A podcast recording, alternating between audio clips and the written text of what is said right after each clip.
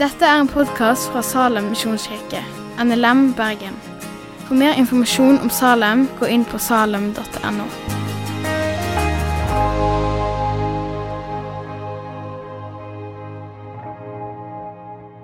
som ikke kjenner meg. Jeg eh, går her i Salem. Kom her til i 2018, og siden da så har egentlig dette vært mitt hjem. Så her stortrives jeg. Um, jeg er for det meste med i forbønn og litt inn mot bønnetjenesten. Så jeg er så heldig å få gå i bibelgruppa med Marie Mullen. Det er en ære. Og ellers så lever jeg livets glade dager på odontologen, der jeg pirker tenner, lager litt tenner og studerer til å bli tannlege. Det er en glede for meg å fordele noen ord, men òg litt sånn med æresfrykt og ydmykhet. For i dag skal vi gå gjennom Jakob 2. Det er en tekst som treffer eh, på mange måter, iallfall meg. Og eh, dere skal vite, I dag taler jeg minst like mye til meg sjøl som til dere. Så jeg tenker vi starter med ei lita bønn. Kjære Gud, takk for at du er med. Takk at du er allmektig og trofast, og at vi kan komme til deg enn. Du ser teksten vi skal lese i dag. Eh, du ser hva, hva erfaringer og hva bakgrunn hver en kommer inn med, Herre Far. Jeg ber må du møte oss i dag må du gjøre teksten forståelig for oss. Og må dine ord bli forkynt. Hvis det skulle være noe som ikke var for deg, må det bare falle dødt til jorda. Herre, må det bli mer av deg og mindre av oss. De vil ikke. Jesu navn. Amen. Jakob kapittel 2 tar i hovedsakelig for seg to emner. Første del tar for seg kjærlighetens lov, altså å elske de neste som deg selv. Og så tar andre del i hovedsakelig for seg tro og gjerninger og forholdet mellom liv og lære. Så Grunntonen i Jakob det er egentlig at vår tro må påvirke hvordan vi lever. Og at Ja, og det er gjerne formuleringene da, i Jakob 2 som eh, kan virke litt harde, spesielt i teksten vi leser i dag. Så før vi leser Jakob 2, vers 14-26, om tro og gjerninger, så vil jeg bare anerkjenne at her i salen så er vi ulike mennesker med ulike erfaringer. Du har noen erfaringer i ditt liv, jeg har noen erfaringer i mitt liv, og din sidekamerat kan ha helt andre erfaringer. Som påvirker hvordan vi vil eh, møte teksten i dag. Kanskje du vokste opp på et bedehus der pekefingeren har blitt sterkt brukt, der det har blitt innprenta gang på gang. Du som kristen, du skal gjøre det, du skal gjøre det, og for all del, du må ikke gå på dans. Kanskje du har slitt, eller fortsatt sliter med dårlig samvittighet. Kanskje det er vanskelig for deg dette her med frelsesvisshet og vite at å, jeg er helt sikkert frelst. Eller kanskje du er vokst opp litt mer med den holdningen at ja, ja, det er ikke så farlig hva jeg gjør, så lenge jeg tror på Jesus og vet han finnes. Kanskje jeg tror vanskelig om dagen, kanskje går det greit om dagen. Vi har ulike erfaringer, ulik bagasje. Det skal vi respektere. I dag så Ja, vi skal huske på det, for temaet kan bli litt sårt for noen. Så nå skal vi lese Jakob 2, 14-26. Og er det ett sted du skal spisse ørene, så er det nå, for nå leser vi ordet som aldri vender tomhendt tilbake. Mine brødre, hva gagner det noen om han sier han har tro når han ikke har gjerninger? Kan vel troen frelse han?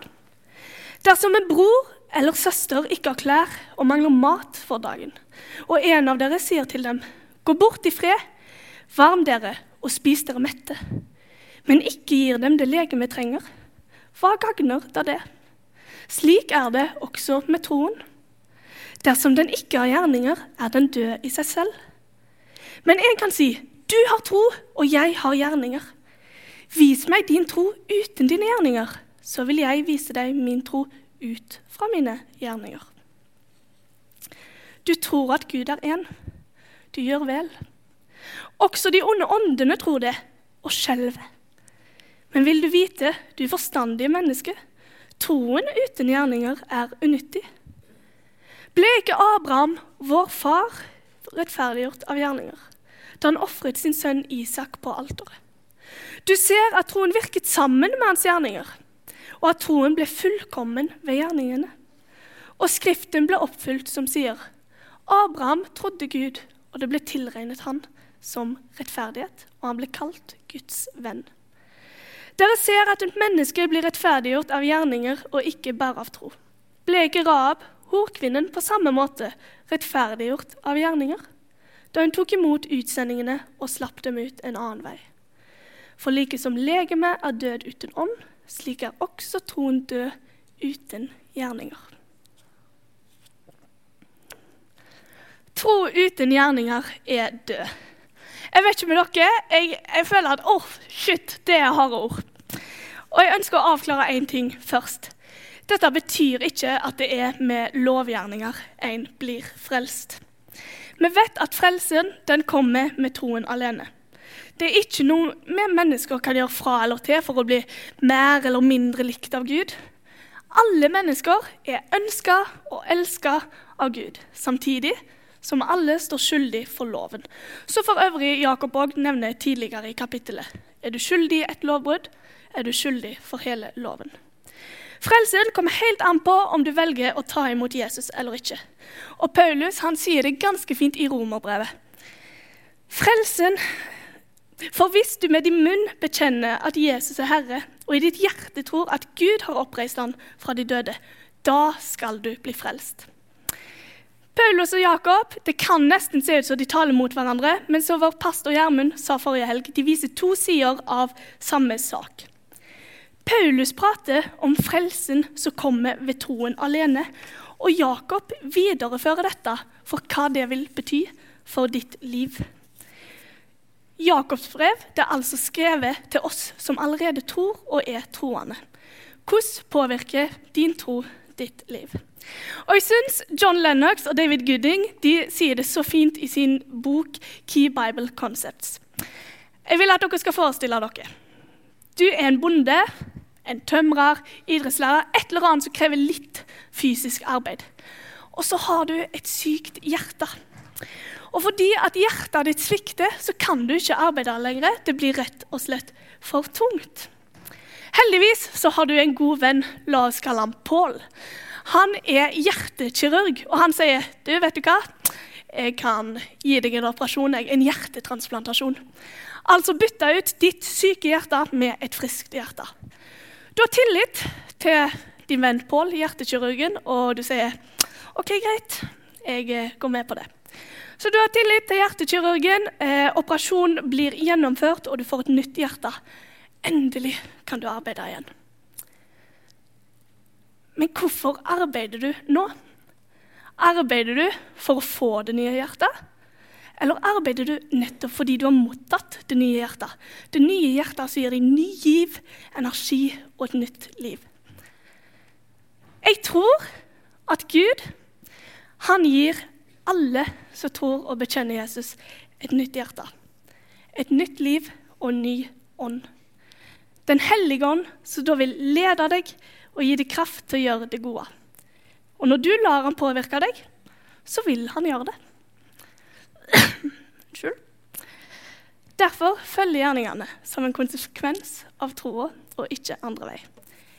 Og en som trodde og lot det påvirke sitt liv, det er vår kjære stamfar Abraham. Og det står eh, i teksten vi leste i dag Se der. Ble ikke Abraham, vår far, rettferdiggjort av gjerningene da han ofret sin sønn Isak på alteret? Du ser at troen virket sammen med hans gjerninger, og at troen ble fullkommengjort ved gjerningene. Og Skriften ble oppfylt, så sier Abraham trodde Gud, og det ble tilregnet hans rettferdighet, og han ble kalt Guds venn. Og Jakob forklarer her hva han mener når han sier Abraham blir rettferdiggjort med gjerninger. For at gjerningene og troa til Abraham de virka sammen.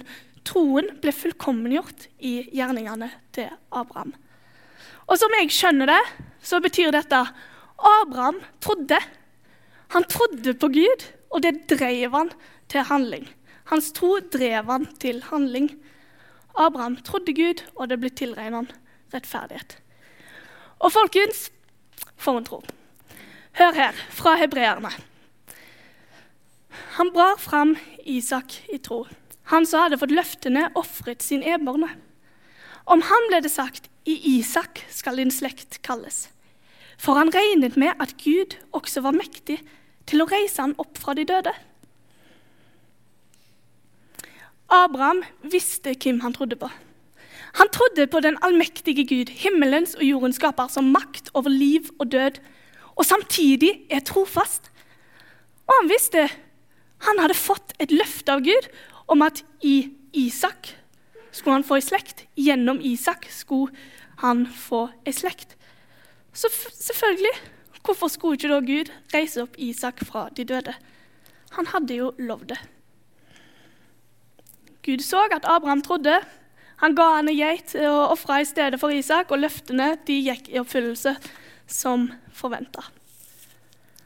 Det greske ordet for tro det er pistis, og det betyr, kan òg oversettes til tillit.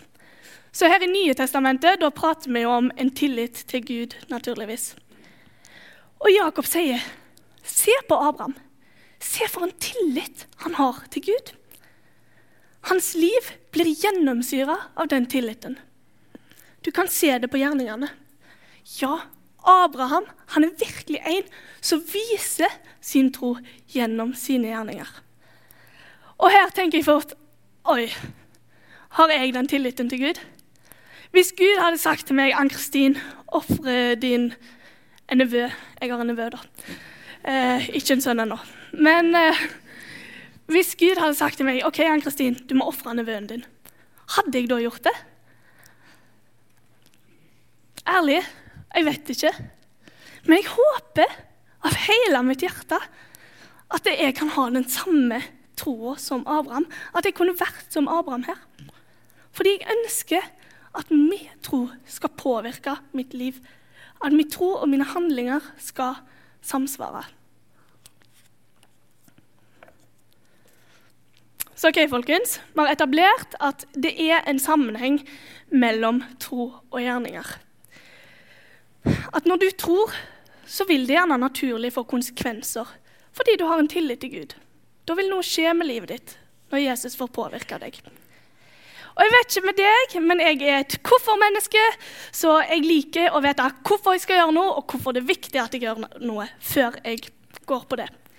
Så hvorfor er det viktig at våre gjerninger påvirkes av det vi tror på. Jeg tror Ja. Jeg tror at det er flere grunner til det. Og jeg skjønner at vi òg kan spørre oss hvorfor er det viktig med gjerninger når vi er frelst med troen alene. Hva med nåden? Og det er viktig å presisere at ja, vi er mennesker. Vi er syndere. Vi feiler, vi mangler, vi gjør det vi ikke skulle gjøre, og så gjør vi det vi eh, ikke skulle gjøre, og ikke gjorde det vi skulle gjøre. Og vi trenger Jesus.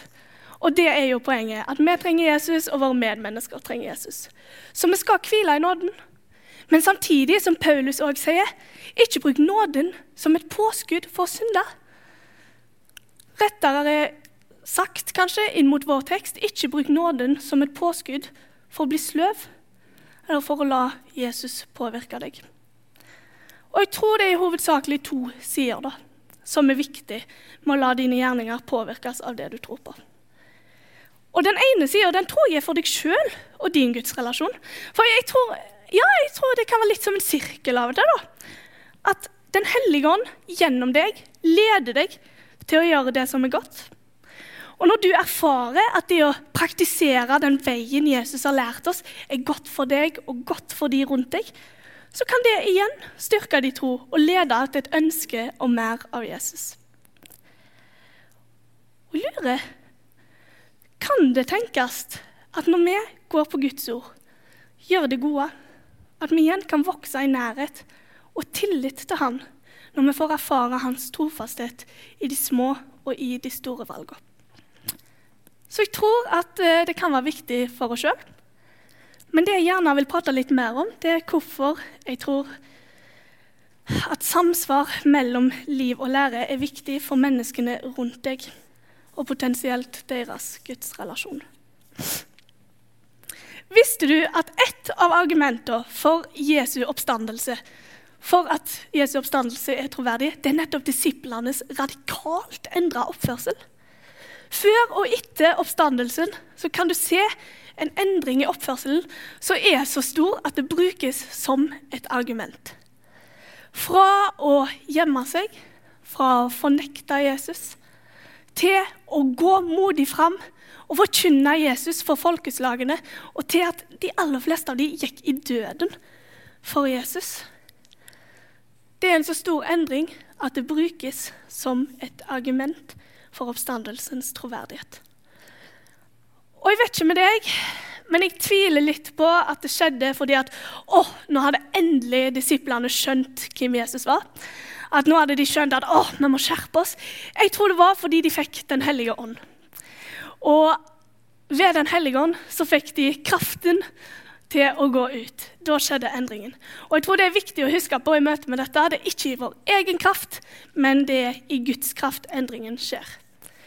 Og folkens, når vi bærer det budskapet vi bærer Verdens beste budskap i menneskehistorien, altså i kosmos, om Jesus som kom til jorda og døde for våre synder, om han, så får vi liv og fred da tror jeg det er faktisk noe som er meint til å deles. Jeg tror det er meint til å deles i både ord og gjerning, men gjerninger det er tema for denne gang. Men vi tror på en Gud som elsker alle mennesker, og som vil at alle mennesker skal komme til Han. Jesus er verdens lys. Vet dere hvem Jesus òg kaller verdens lys? Oss, du og meg. I bergprekenen, som vi finner i Matteus, der sier Jesus så fint Dere er verdens lys. En by som ligger på et fjell, kan ikke skjules. Heller ikke tenne en oljelampe og sette den under et kar. Nei, en setter den på en holder, så den lyser for alle i huset. Sånn skal deres lys skinne for menneskene, så de gode gjerningene dere gjør, så de kan se de gode gjerningene dere gjør, og prise deres far i himmelen. Vi er verdens lys.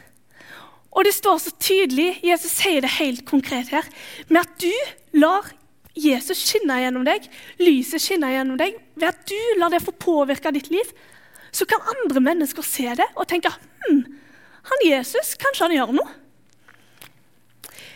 Jesus prater mye om gjerninger i Bibelen. Og jeg lurer på om det kan være fordi at det faktisk Hvordan mennesker oppfatter deg som sier du er kristen, kan også påvirke hvordan de oppfatter Jesus og det budskapet vi bærer. I vårt samfunn er det mange mennesker som ikke vet så mye om Bibelen. Og det var en gang noen som sa du, kan være den eneste Bibelen noen leser i dag. Og Tenk litt på det. Du som kristen, du er en representant for Jesus og den læren vi lærer. Og når vi tror og forkynner at Jesus han endrer liv, og han vil så mye godt, og han elsker alle, og han er grei, og han er vis, og han lærer så mye godt for livene våre, da tror jeg at mennesker rundt oss vil forvente å se en endring. En av mine venninner sa en gang til meg når vi prata om tvil og det å ha det vanskelig med troa Ann-Kristin, jeg ser så mange kristne rundt meg som gjør stikk motsatt av det de sier de tror på. Og når hun sa det, da kjente jeg den stakk, fordi jeg kjente meg sjøl så godt igjen i det. Det er jo ikke det at vi er perfekte. Vi er syndere. Men jeg tror ofte at for menneskene rundt oss så kan ordtaket 'action speaks louder than words' stemme. Og det er akkurat som Jakob sier. Det hjelper lite hvis du går forbi en tigger på Torgallmenningen og sier 'Fred være med deg. Finn deg litt mat. Gå inn på et hotellrom, varm deg, og gå i fred. For når du går videre, så har han jo akkurat like lite. Og sitter ikke igjen med noe mer. Det du gjør, eller det du unngår å gjøre, det har noe å si for menneskene rundt deg. Og når vi bærer verdens beste budskap, da tror jeg at dette budskapet i praksis må prege livet vårt. Det betyr ikke at vi lever et syndefritt liv, men det betyr at som troende så vil Jesus påvirke oss hvis vi lar han gjøre det. Og at det er viktig for oss og de rundt oss.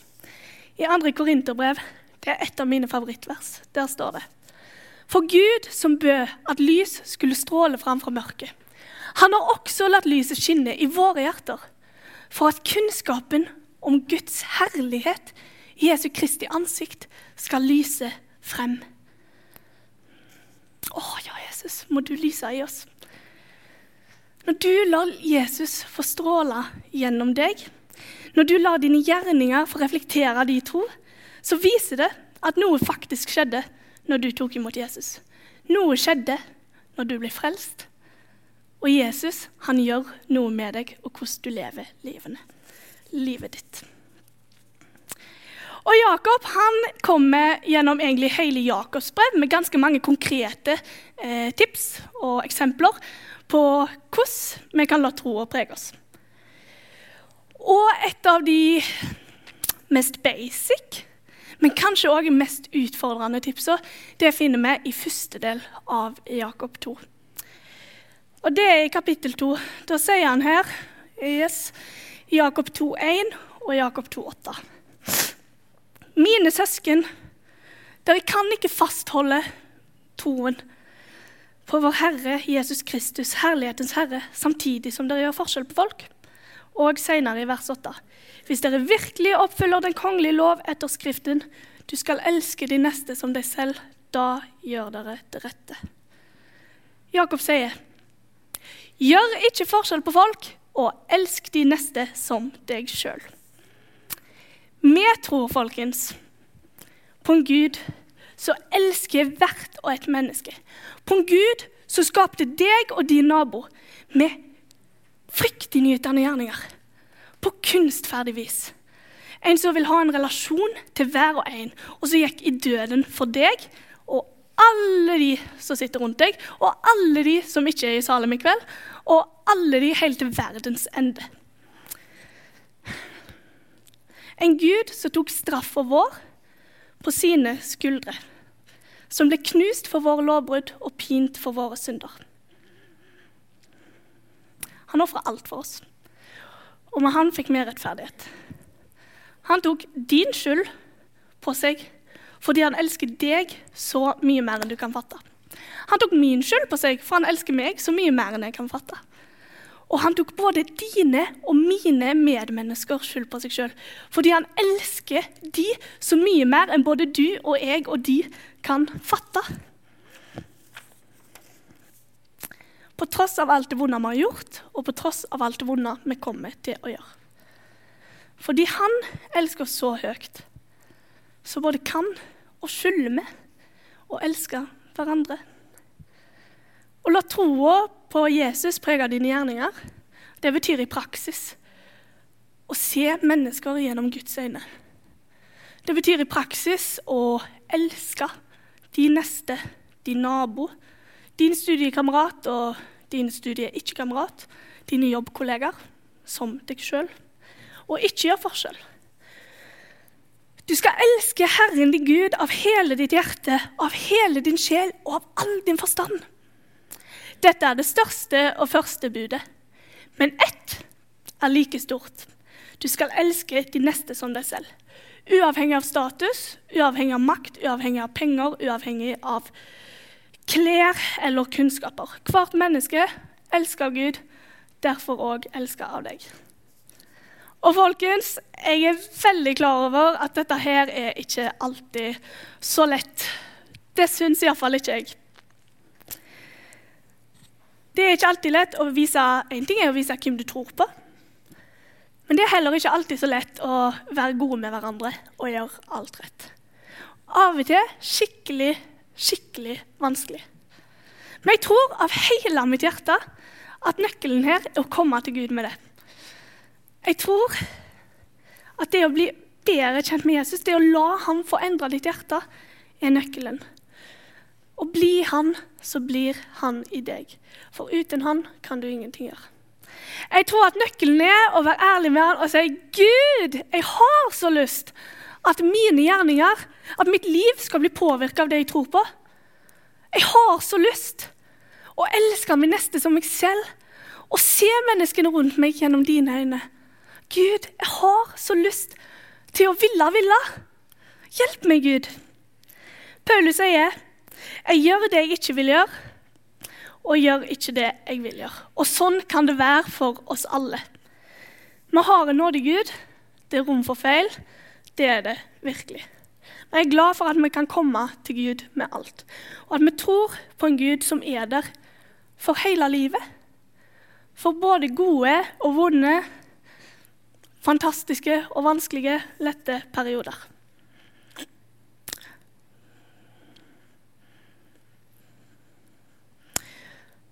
Selv om vi feiler, så kan vi komme til Gud, og vi kan si, 'Gud, jeg tror på deg, og jeg vil leve det ut i livet mitt. Hjelp meg.' Så oppsummert, folkens. Vi tror på en Gud som elsker oss. Og når Han får påvirke oss, så vil det påvirke hvordan vi lever ut livene våre, og hvordan vi elsker hverandre. Så folkens, la våre gjerninger vise hvem vi tror på. La oss være Abrahammer som har tillit til Gud. La oss ha en levende tro, sjøl når det er litt skummelt og ukomfortabelt. La oss være lys fordi Jesus er verdens lys. Og la oss være sånne så de menneskene rundt oss blir litt sånn Hva skjedde med deg, da? Noe er litt annerledes her.